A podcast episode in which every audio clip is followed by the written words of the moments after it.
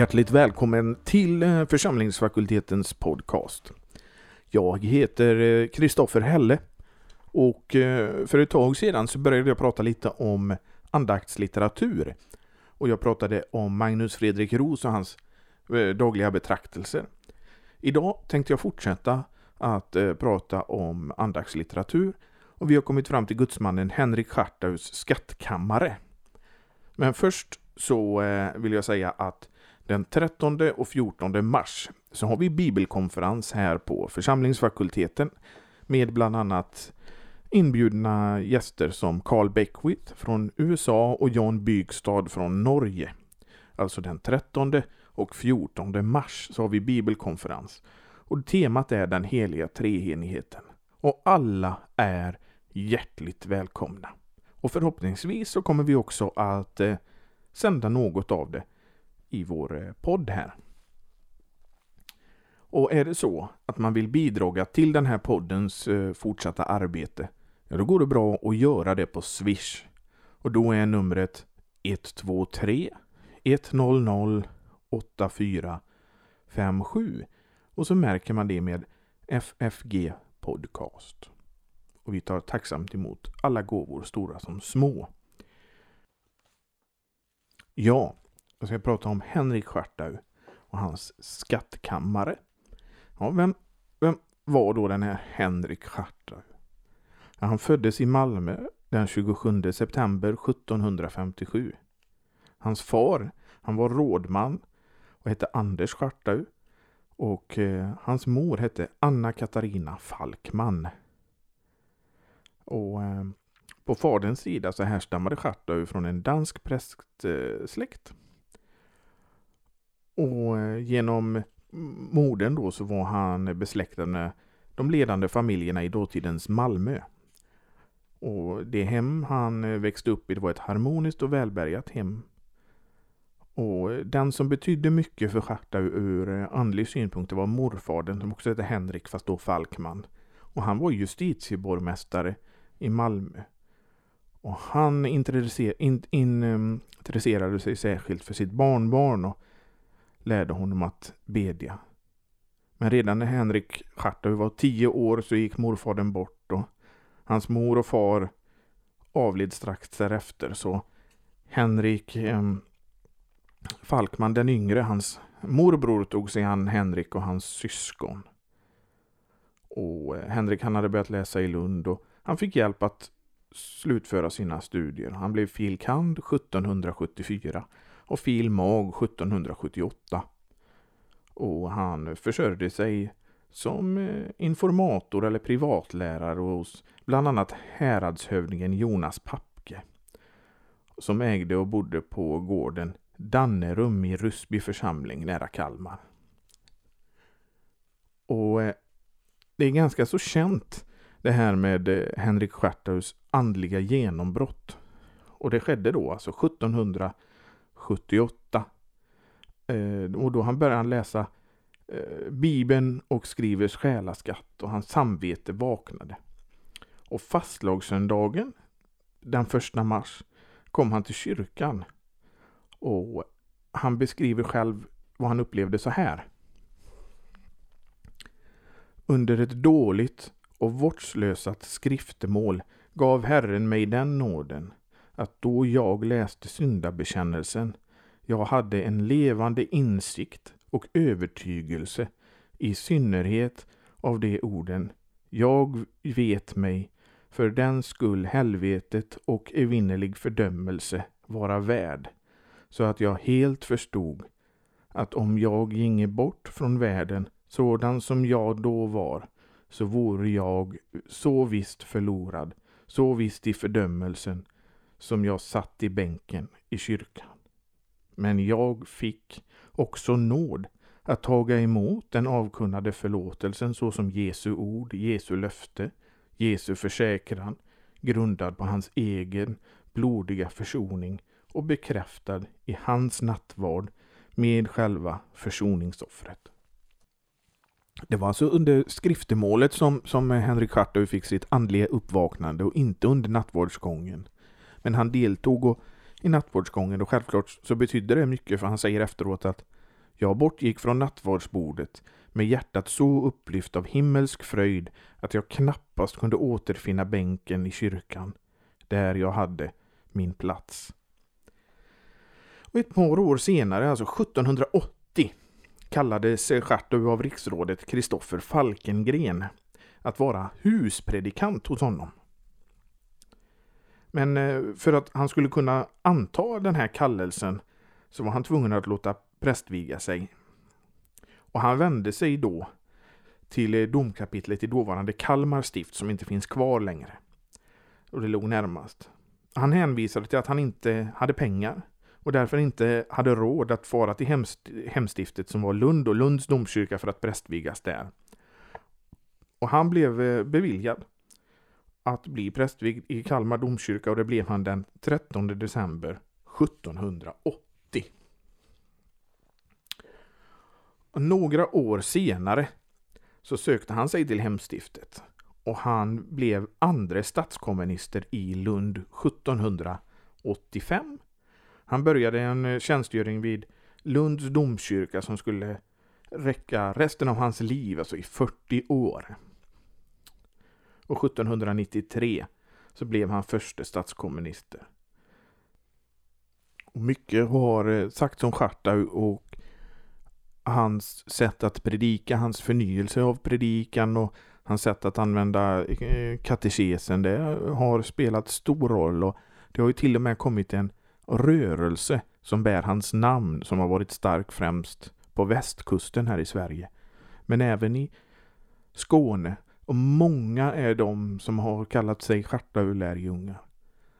Och hans skrifter har spridits bland präster och lekmän i hela Sverige. Och, innan de blev tryckta så, så ehm, använde, så skrev prästerna av varandras manuskript och så här. Så att det har, han har haft en oerhört stor betydelse.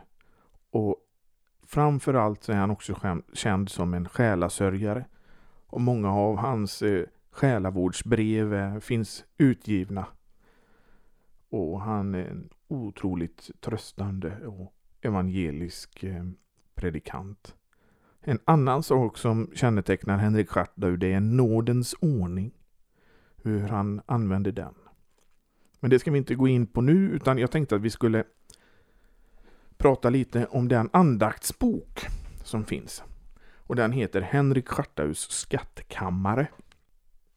Och till skillnad från Ros som vi pratade om förra gången så har Schartau själv inte sammanställt den här boken utan det är eh, några av hans lärjungar som har gjort det till 200-årsminnet ungefär av hans födelse. Och den kom ut första gången 1958. Och eh, senaste upplagan är utgiven av Lutherstiftelsen 1972. Men det är alltså samlade texter från eh, morgon och kväll som är plockade från hans digra arkiv med predikningar och tal och sånt här. Nu kan det tyckas att eh, språkbruket eh, är lite gammaldags här. Men jag tycker att det är en poäng att inte modernisera för mycket utan jag läser som det står. Eh, och som seden i den här podden eh, bjuder så börjar jag med första januari. Honom skall du giva namnet Jesus ty han skall frälsa sitt folk från deras synder. Matteus 1, vers 28. Namnet Jesus betyder en frälsare och därför att Marias son skulle vara en frälsare skulle han och därav hava namnet. Han skall frälsa, hette det, och icke blott, han skall skaffa uppskov med straffet, icke endast, att han skall skaffa lindring i ångesten över synderna, utan han skall frälsa ifrån dem. Denna välgärning skulle han bevisa emot sitt folk, då man hör att det är från synderna som Jesus skall frälsa, så kan man därav förstå vad det är för ett folk som Jesus skulle frälsa, nämligen det folk som har synder. och vilket är det folk som icke har synder. Det är ju sålunda hela det mänskliga släktet som var det folket vilket Jesus skulle frälsa, kunna bliva efterskänkt syndabegärelsen, bliva övervunna och själva syndafördärvet, om sidor bliva utrotat, ty han skulle frälsa från synderna. Jesus vare allt mitt nöje, Jesus blive alltid när. Jesus minar sinnen böje, Jesus vare mitt begär. Jesus styrke kropp och själ, Jesus mig beskydde väl. Jesus vare i mitt hjärta, Jesus lise i all smärta. Amen. Och så läser jag också aftonen den första januari. Som ni märker så har Schartö också en liten dikt i slutet. Och hans betraktelser är mycket, eller de här betraktelserna som är sammanställda är kortare än vad eh, Ros betraktelser är. Och jag läser aftonen den första januari. Herre Jesus, du som velat bliva en Jesus för din församling, då du genom ditt lidande och din död grundade henne på dig så som på en salighetsklippa värdes en ytterligare vara för henne en Jesus, en frälsare, så att helvetets makt icke måtte bliva henne övermäktig, då den gör anfall mot henne, vare sig den brukar våld eller list. Förläna din församling din nåd, att hon på de fredliga dagarna icke måtte slumra i tröghet och att hon på förföljelsetider icke måtte giva efter för fiendens hot. Bevara du henne både från allt bedrägligt ljus och från allt falskt nit. Vare du en Jesus också för vår konung, så att du värdes frälsa honom ur alla både uppenbara och hemliga faror värdes och för att vårt fädernesland vara en Jesus till att bevara oss för krigets elände och främmande folks övervälde. Var du och för varje ort en Jesus till att beskärma den från alla olyckor och frälsa dem ut ur all nöd. Ty Jesus heter du, vår Jesus, värdes bliva och oss av nåd giva det som vi bedja nu. Amen. Herre Jesus, för ditt frälsare namns skull. Amen. Och ja, och eh, den dag det här avsnittet publiceras är den 28 februari. Och eh, förra gången läste jag skottdagen, men nu ska jag läsa den 28 februari. Och eh, här pratar han om omvändelse. Vi börjar med morgonen, mor morgonen den 28 februari. Den falska omvändelsen blir utan fullbordan, då det rätta omvändelsemedlet, Guds ord, till någon del brukas, så att det kommer att vara med i det som samvetet verkar. Så blir det en början av omvändelse och även ibland en slags fortgång. En skönt hos Judas endast visar sig samvetets verkningar så är det otvivelaktigt att den stora kunskap som han inhämtat hos Jesus hade inblandat sig däri.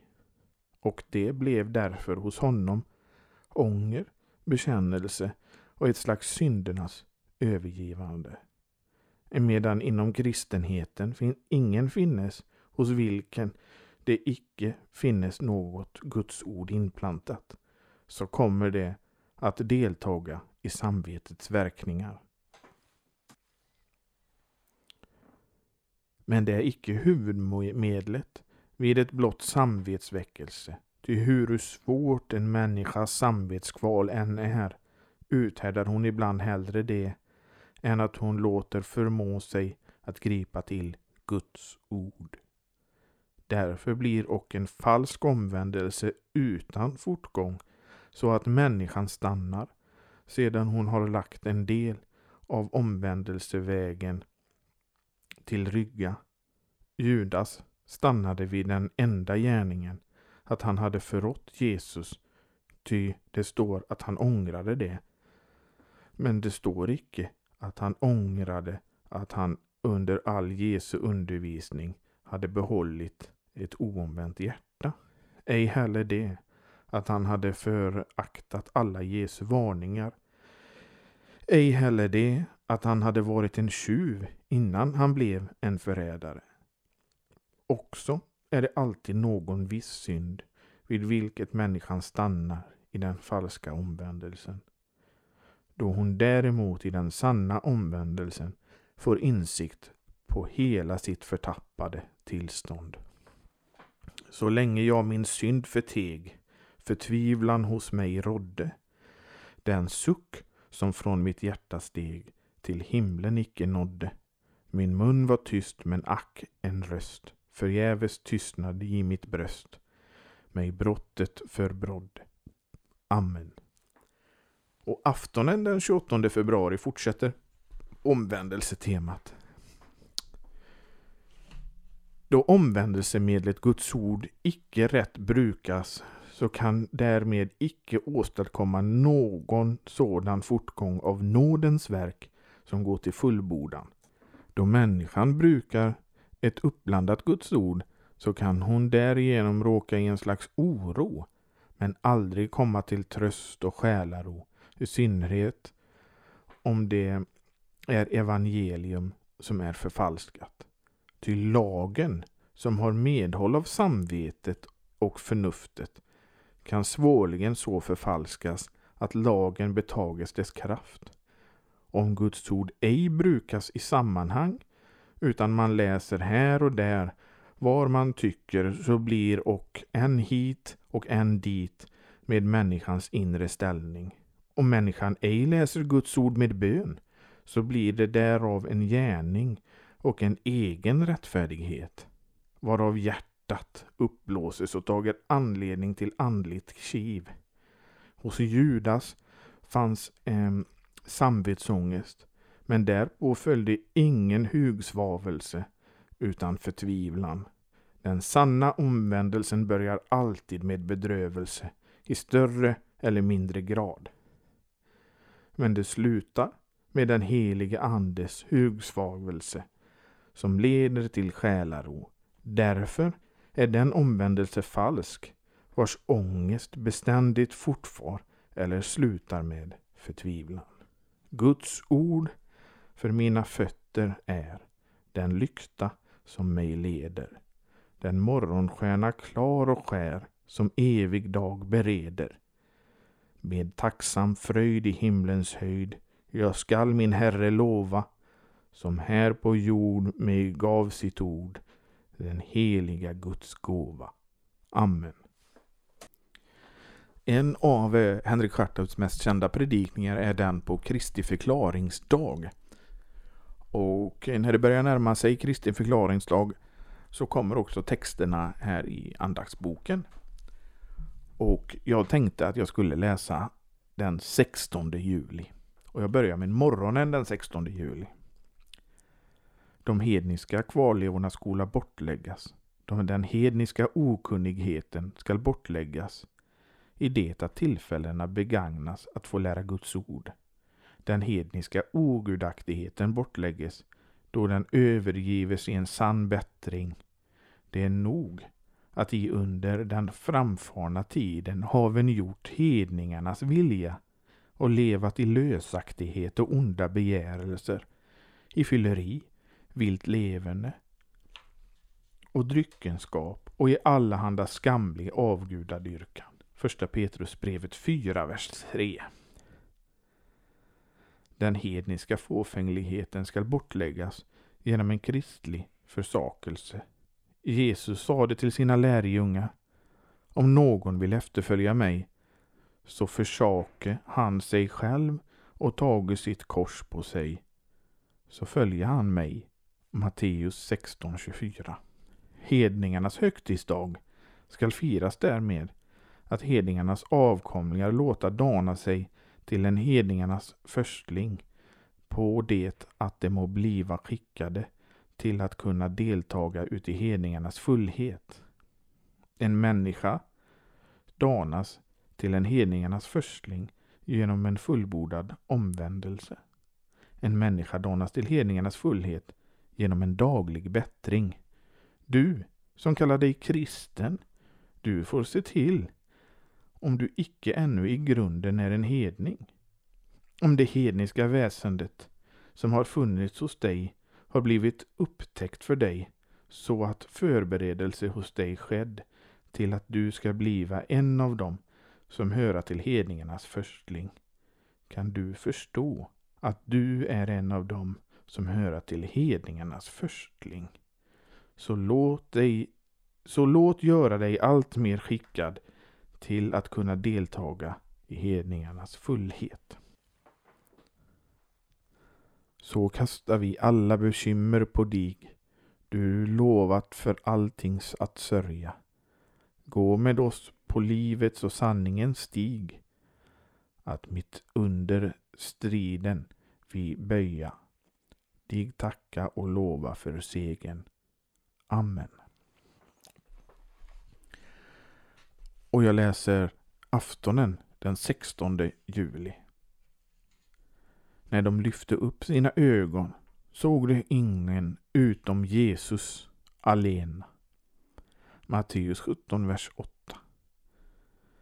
Då Jesus en gång gått med några av sina lärjungar upp på ett berg hände det att den tjänareskepnad som Jesus påtagit sig förbyttes i den konungsliga härlighet som hörde Jesus till allt ifrån det att han blev född till en konung. Lärjungarna, som vore vana att se Jesus umgås med syndare, funne honom i samtal med tvenne av det fullkomnade rättfärdigas andar, tvenne invånare i det himmelska Jerusalem. De sågo sig insvepta i en sky blev betagna av glädje. Men då de återkom sig före och lyfte upp sina ögon såg de ingen utom Jesus alena. När syndaren först får förståndsögonen öppnade är det helt vända nedåt på hans osaliga och förtappade tillstånd. Blyg dock ett försagt mod har det med sig att de ögonen är att vända nedåt. Så beskrivs och en uppväckt själs nedslagenhet i Esra 9, vers 6. Min Gud, jag skämmes och blyges för att upplyfta mitt ansikte till dig. Min Gud, ty våra missgärningar har växt över oss över huvudet och vår skuld är stor, allt upp till himlen. Lagen tillhandahåller och människan att de mest ser på sig själva och driver henne att jämföra sitt fördärv med Guds helighet och sin skuld med Guds rättfärdighet. Är det nödens tagg dig sårar, suckar du på plågans bädd, pressar otakt dina tårar, är av världen du försmädd, glöms förnekas du av vänner, se vad Jesus utstått har, vilken ren som ljuset var. Amen. Och jag fortsätter med den 17 juli och temat eh, Kristus, Jesus, alena.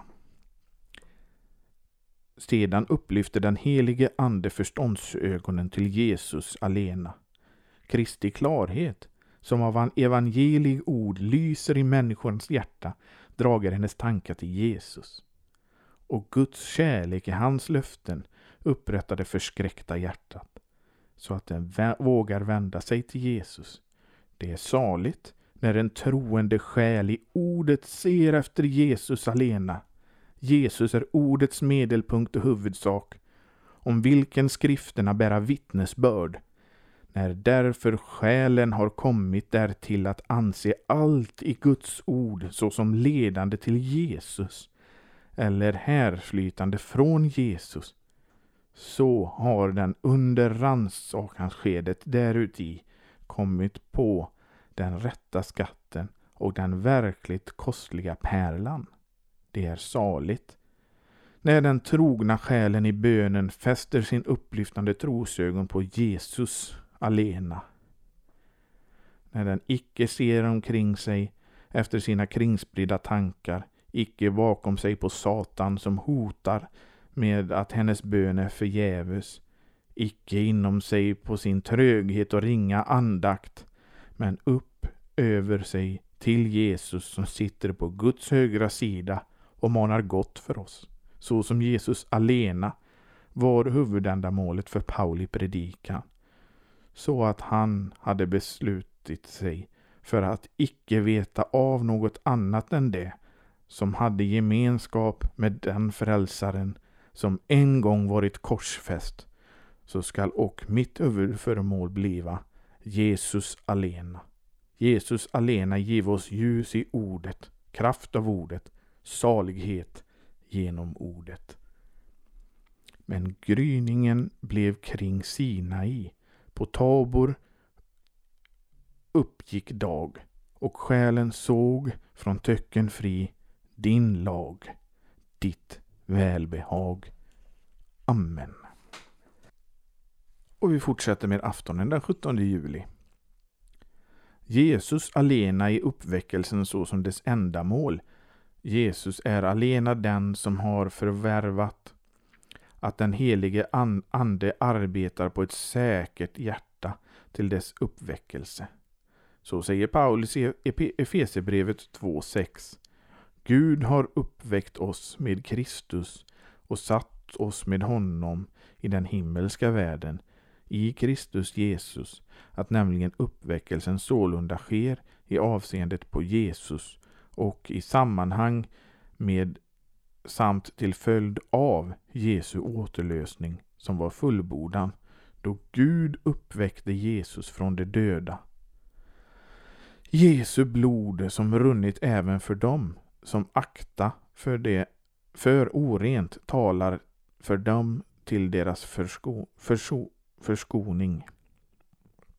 Gud fader som är öm om sin sons ära vill visa att hans försoning är gällande och kraftig och han låter därför sin ande väcka på de sovande samvetna Jesus som utgivit sitt liv även för de villfarande fåren, går därför efter dem. Det är Jesu pina som verkar förskoning, Jesu förbön som uträttar att nådens rörelser uppkomma i de döda hjärtan och det är hans förtjänst som gåvor äro förvärvade även åt det avfälliga. O Herre Gud, av kärlek rik, väck oss ur syndens dvala. Från oss i frestelsen ej vik, i nöden oss hugg svala. Bered oss, beredda håll oss varje stund, o Jesus, till ditt möte. Och när du kommer, av misskund, upp, upptag oss i ditt sköte. Amen. Ja, jag tänkte också läsa eh, den 2 oktober och det talar Charta om eh, den sanna tron. Och jag läser morgonen den 2 oktober. Den sanna tron är ingången till gudaktighetens smala väg och den är med detsamma en ingång till himmelriket. Att tron, därför att den fattar Kristus, är en ingång till himmelriket, det lär skriften över överallt. Då den lovar ett evigt liv genom tron på Jesus. Men den sanna tron är och en ingång till himmelriket i så måtto att tron är ingången till gudaktighetens väg i ett heligt levande. Detta uttrycker Petrus därmed att han efter det, den förut anförtrodda, anförda förmaningen till, eh, till tro förlä, för, tillägger denna förmaning till ett kristet levande. Följen icke, säger han, de begärelser som i förut under eder okunnighetstid levden i, utan bliven heliga i all eder vandel, så som han som har kallat eder är helig. Det är, det är ju skrivet, i skolen vara heliga, ty jag är helig. Den som Herrens nåd föraktar, han ju döden värdig är. Giv, o Herre, att jag aktar därpå att du begär att jag som din undersåte i din lydnad vandra må och det goda målet nå. Amen. Och aftonen den 2 oktober fortsätter med temat Den sanna tron. Den sanna tron på Jesus är ingången till gudaktighetens väg, ty tron giver både drift och kraft till ett kristligt levande. När en människa har lärt känna och kommit till tro på den kärlek som Gud har till oss, så förbliver hon i kärleken.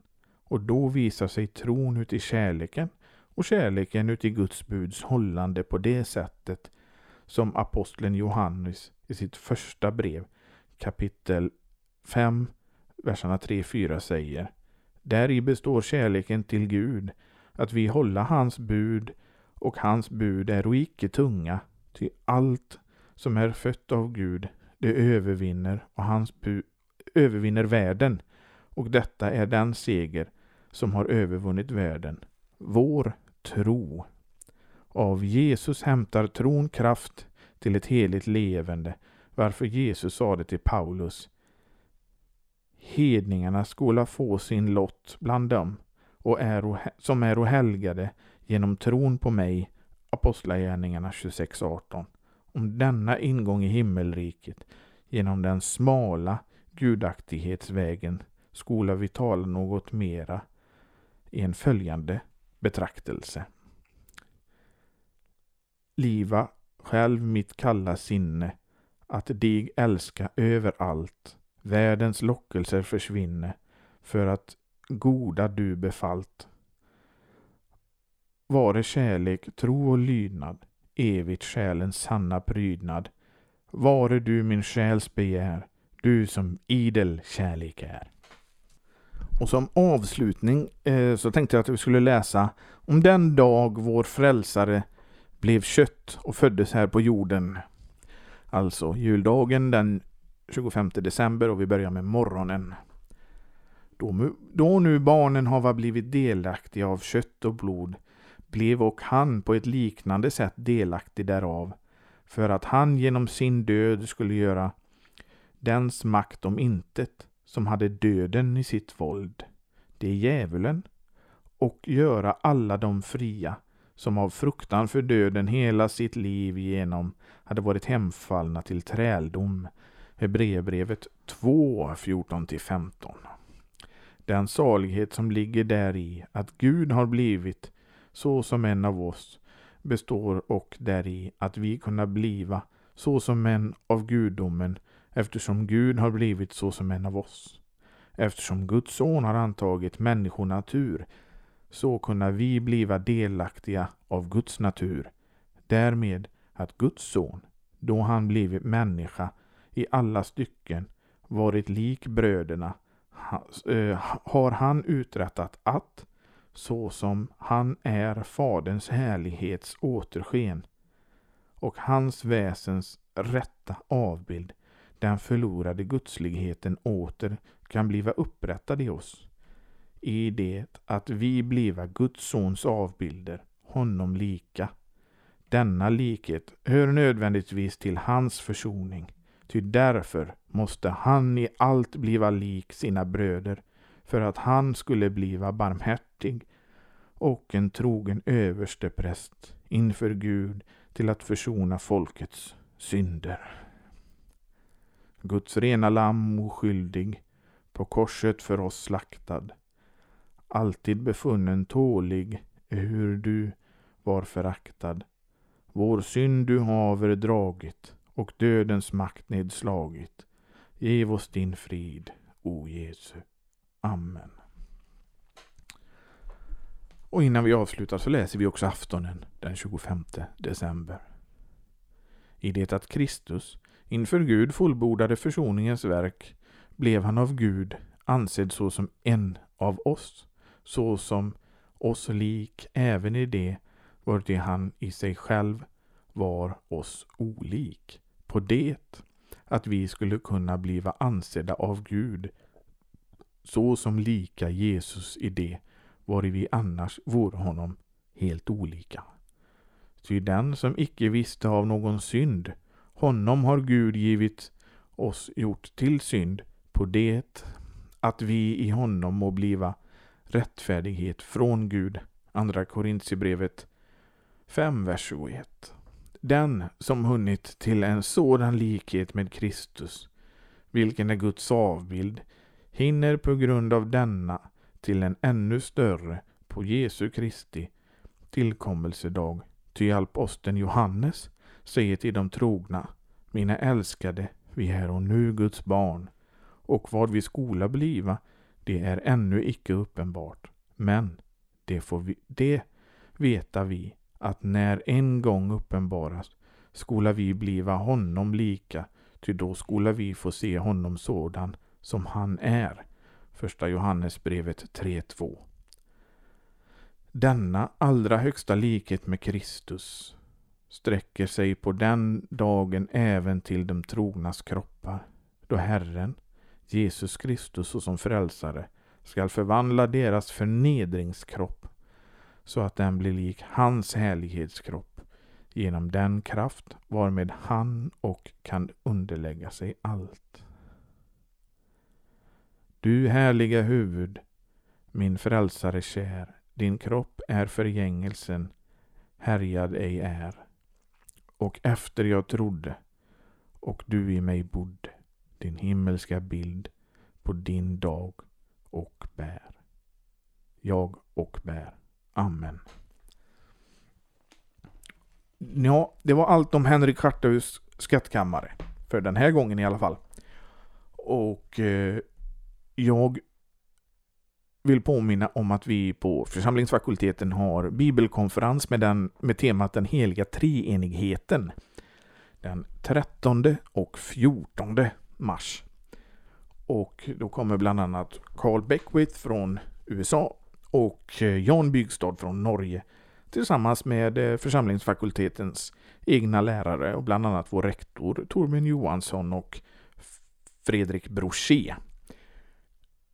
Och ehm, är det så att man vill bidra till den här poddens fortsatta arbete så går det bra att göra det på Swish och då är numret 123 100 8457 och så märker man det med FFG Podcast.